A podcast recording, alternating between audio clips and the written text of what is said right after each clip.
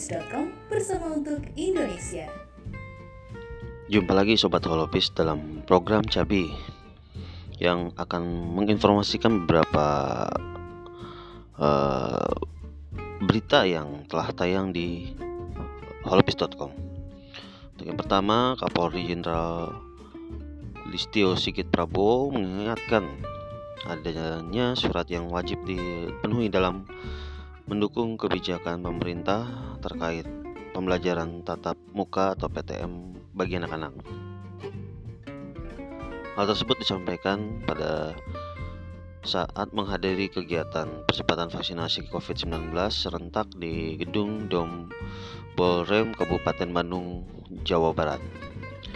Istio Sigit Prabowo menyebut syarat tersebut adalah target vaksinasi masyarakat umum yang harus mencapai 70% dan kelompok lanjut usia atau lansia di 60%.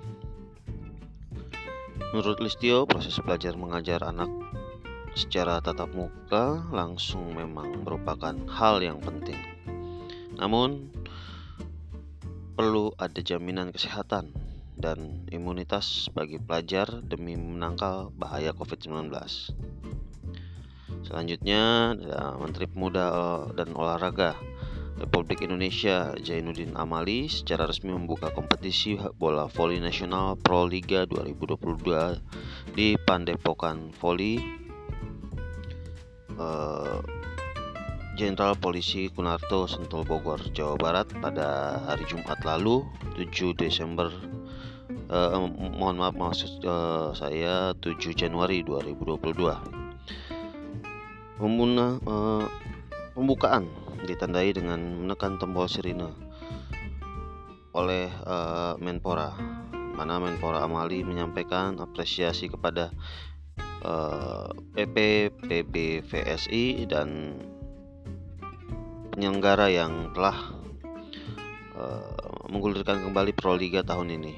Seluruhnya, seluruh kegiatan diminta untuk tetap menjaga protokol kesehatan secara ber, uh, secara ketat. Menpora Mali juga menyebutkan ber, bergulirnya Pro Liga ini memberi harapan dan hiburan pada uh, seluruh masyarakat Indonesia khususnya pecinta bola voli di tanah air di mana kompetisi ini bisa disaksikan secara langsung melalui media televisi.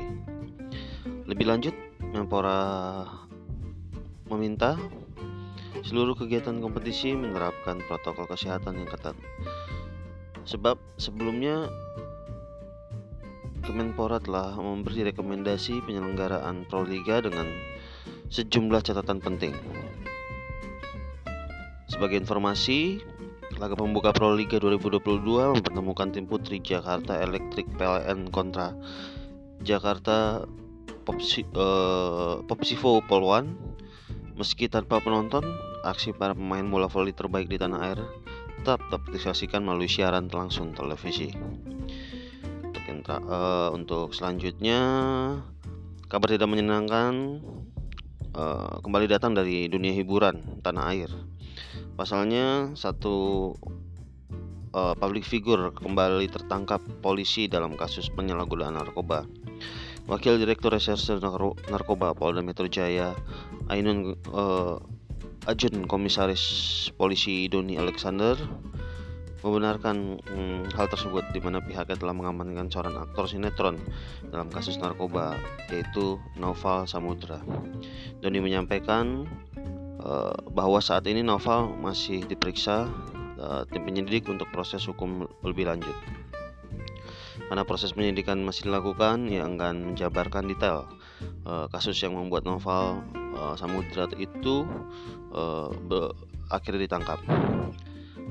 Saya ditanya apakah novel ditangkap bersama dengan Dinda Kirana, Doni hanya menjawab bahwa anggotanya cuma mengamankan novel saja. Dengan, dengan penangkapan ini artinya bukan pertama kali Produs, uh, novel ditangkap uh, karena urusan narkoba. Pada bulan April 2020 lalu ia juga pernah ditangkap dalam kasus penyalahgunaan narkoba jenis ganja dalam bentuk liquid. Saat ia ditangkap di kawasan uh, Ragunan, Jakarta Selatan. Demikian beberapa informasi yang dapat kami sampaikan bersama saya Ronald Petrus. Holopis.com bersama untuk Indonesia. Halo Sobat Holopis, kembali lagi bersama saya Brenda Iskarina di Cabi Baca Berita. Seperti biasa, saya akan merangkum beberapa berita spesial untuk Sobat Holopis. Berita pertama, ini paling cocok didengar untuk Anda yang suka main sosial media. Instagram berencana untuk merubah tampilan laman utama atau feed mereka dalam waktu yang dekat. Hal tersebut disampaikan oleh Head of Instagram Adam Mosseri melalui akun media sosialnya. Tiga tampilan di Instagram yaitu Home, Favorites, dan Following. Dua di antaranya akan tampil berdasarkan urutan waktu atau kronologi. Untuk tampilan home, sama seperti yang sudah ada saat ini, di mana konten yang tampil di laman ini berdasarkan ketertarikan pengguna terhadap konten. Rencananya, tampilan home akan diubah berisi rekomendasi konten yang mungkin akan disukai pengguna. Sementara untuk akun-akun yang diikuti, konten yang diunggah akan muncul di laman following berdasarkan urutan waktu unggahan alias kronologi. Berita berikutnya masih ada kaitannya dengan teknologi, Kali ini kabar baru datang dari plat nomor mobil di Indonesia. Korps Lalu Lintas Polri akan merubah model plat nomor kendaraan mobil motor menjadi warna putih dan dipasangi chip berteknologi Radio Frequency Identification atau RFID. Proses pergantian warna plat mobil akan berlaku bertahap dan dimulai di tahun ini 2022. Kasubdit STNK Korps Lalu Lintas Polri Komisaris Besar Polisi Taslim Khairuddin pernah menjelaskan hal pertama yang akan dilakukan yaitu menerapkan plat putih bagi kendaraan bermotor. Penerapan tahap awal ini tak dilakukan serentak, melainkan bertahap dari kendaraan baru yang diregistrasi dan kendaraan yang sudah memasuki tahap penggantian plat nomor 5 tahunan. Selama masa transisi, akan ada dua warna plat nomor kendaraan di jalanan, yaitu warna hitam dan juga warna putih. Kepolisian pun mengimbau masyarakat untuk tidak kaget saat memasuki tahap ini. Taslim juga menjelaskan pada Desember 2021, mekanisme penerapan plat putih sudah memasuki proses lelang dan hal ini bukan dilakukan Polri. Spesifikasi teknis plat tidak berubah dari yang ada saat ini, perubahan hanya dari sisi warna yaitu putih dengan tulisan hitam. Sedangkan penerapan saat ini dasar hitam dengan tulisan putih. Kita lanjut ke kabar berikutnya. Stasiun Jatinegara menjadi satu dari total 14 bangunan di Jakarta yang resmi ditetapkan sebagai cagar budaya oleh pemerintah Provinsi DKI Jakarta. Kepala Dinas Kebudayaan Provinsi DKI Jakarta Iwan Henry Wardana mengungkapkan cagar budaya sepanjang tahun 2020 hingga 2021 ditetapkan berdasarkan Undang-Undang Nomor 11 Tahun 2010 mengenai cagar budaya sebagai upaya pelestarian. Iwan menerangkan, penetapan objek menjadi cagar budaya telah melalui kajian yang diverifikasi oleh tim ahli cagar budaya Provinsi DKI Jakarta. Verifikasi dilakukan dengan melakukan survei, riset daftar pustaka, dan melakukan pembahasan kajian. Nah, ke-14 objek yang sudah ditetapkan sebagai cagar budaya antara lain Lapangan Golf Rawamangun, Gedung Bank Indonesia Kebon Siri, Gedung Kantor Pusat Garuda Indonesia Jalan Kebon Siri, Gedung Cipta Niaga, Tugu Peringatan Proklamasi, Rumah Proklamasi, Tugu Proklamasi, Gedung Perintis Kemerdekaan, Gudang Amunisi Pertukangan, Kompleks Bangunan Vincentius Putri, Bangunan 1, Bangunan 2, dan Bangunan 3 dalam Kompleks Perusahaan Umum Produksi Film Negara, Stasiun Jatinegara, Jembatan Kereta Jalan Matraman Raya, dan juga Jembatan Kereta Terowongan 3. Kita masih lanjut, kali ini masih datang dari nasional. Kabar terbaru datang dari dunia hiburan Indonesia, di mana penyanyi cantik sekaligus istri Anang Hermansyah Ashanti mengabarkan bahwa dirinya sedang positif COVID-19. Hal ini langsung disampaikan Ashanti melalui Instagram pribadinya. Ashanti mengatakan penularan virus COVID-19 terjadi usai perjalanan dari Istanbul, Turki. Usai liburan, Ashanti mengaku melakukan protokol kesehatan yaitu PCR test sebanyak dua kali untuk memastikan bahwa dirinya sehat atau tidak. Dan ketika masih di Istanbul, hasil swab test menunjukkan bahwa Ashanti negatif COVID-19. Namun kemudian ia terbang ke Indonesia dan sesampainya di Jakarta ia langsung menuju ke Hotel Grand Sahid Jaya dan melakukan karantina sembari menunggu hasil PCR yang dilakukan di Bandara Internasional Soekarno-Hatta. Dan beberapa saat kemudian hasilnya pun keluar dan ia dinyatakan positif COVID-19. Saat ini Ashanti sedang diisolasi di sebuah rumah sakit di Jakarta. Ia mengaku belum merasakan gejala yang berarti dari paparan virus COVID-19. Ashanti mengatakan ia merasa kesehatan dan kondisi fisiknya masih normal-normal saja. Cepat sembuh ya Ashanti. Itu dulu rangkuman berita dari saya Brenda Iskarina. Sampai jumpa, salam sehat dan tetap patuhi protokol kesehatan. Halopis Channel bersama untuk Indonesia. Holopis.com bersama untuk Indonesia. Halo Sobat Holopis, hari ini saya akan merangkum berita-berita untuk Sobat Holopis. Sebelum saya membacakan berita yang sudah saya rangkum, Sobat Holopis juga bisa loh membaca berita lainnya di website kami, yaitu holopis.com. Berita pertama datang dari berita nasional. Beberapa distrik atau kecamatan yang ada di kota Jayapura terendam banjir sejak Kamis lalu, yang ketinggiannya mencapai 200 cm. PLT Kepala Pusat Data Informasi dan Komunikasi Kebencanaan BNPB Abdul Muhari menjelaskan intensitas hujan yang tinggi membuat beberapa pemukiman warga ikut terdampak banjir bahkan menyebabkan korban jiwa. Namun Abdul tak merincikan lebih lanjut mengenai identitas korban meninggal akibat banjir di Jayapura tersebut. Kemudian Abdul mengatakan bahwa intensitas hujan masih terus berlangsung sampai dengan dini hari tadi, di mana wilayah terdampak banjir dilapor, dilaporkan di Kecamatan Jayapura Utara, Jayapura Selatan, Abepura, Heram, dan Muara Tami. Tinggi muka air saat banjir berlangsung Abdul mengungkapkan sekitar 150 hingga 200 cm. Bahkan petugas BPBD setempat melaporkan genangan di wilayah pasar Yotefa Abepura mencapai 300 cm. Akibat banjir tersebut, kerugian material menyebutkan sejumlah fasilitas umum terendam banjir seperti rumah sakit, kantor gubernur, fasilitas umum lainnya, dan rumah masyarakat. Selain itu juga, listrik di, wilayah terdampak juga masih padam.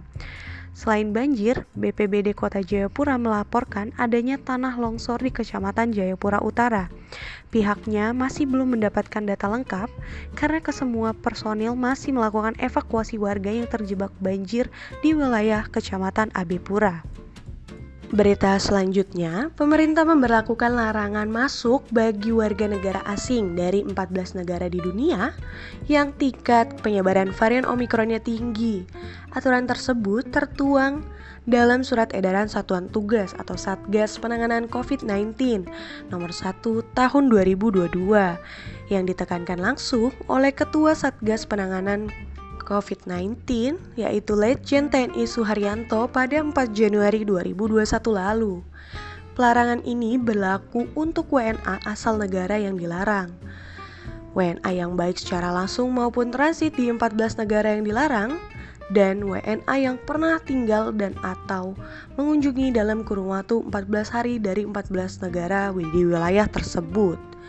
Kabar baiknya, untuk warga negara Indonesia atau WNI dari 14 negara yang sudah dilarang, masih diberikan kesempatan memasuki Indonesia dengan syarat menunjukkan hasil negatif RT-PCR yang sampelnya diambil dalam kurun waktu maksimal 3 kali 24 jam serta mewajibkan melanjutkan karantina terpusat selama 10 hari.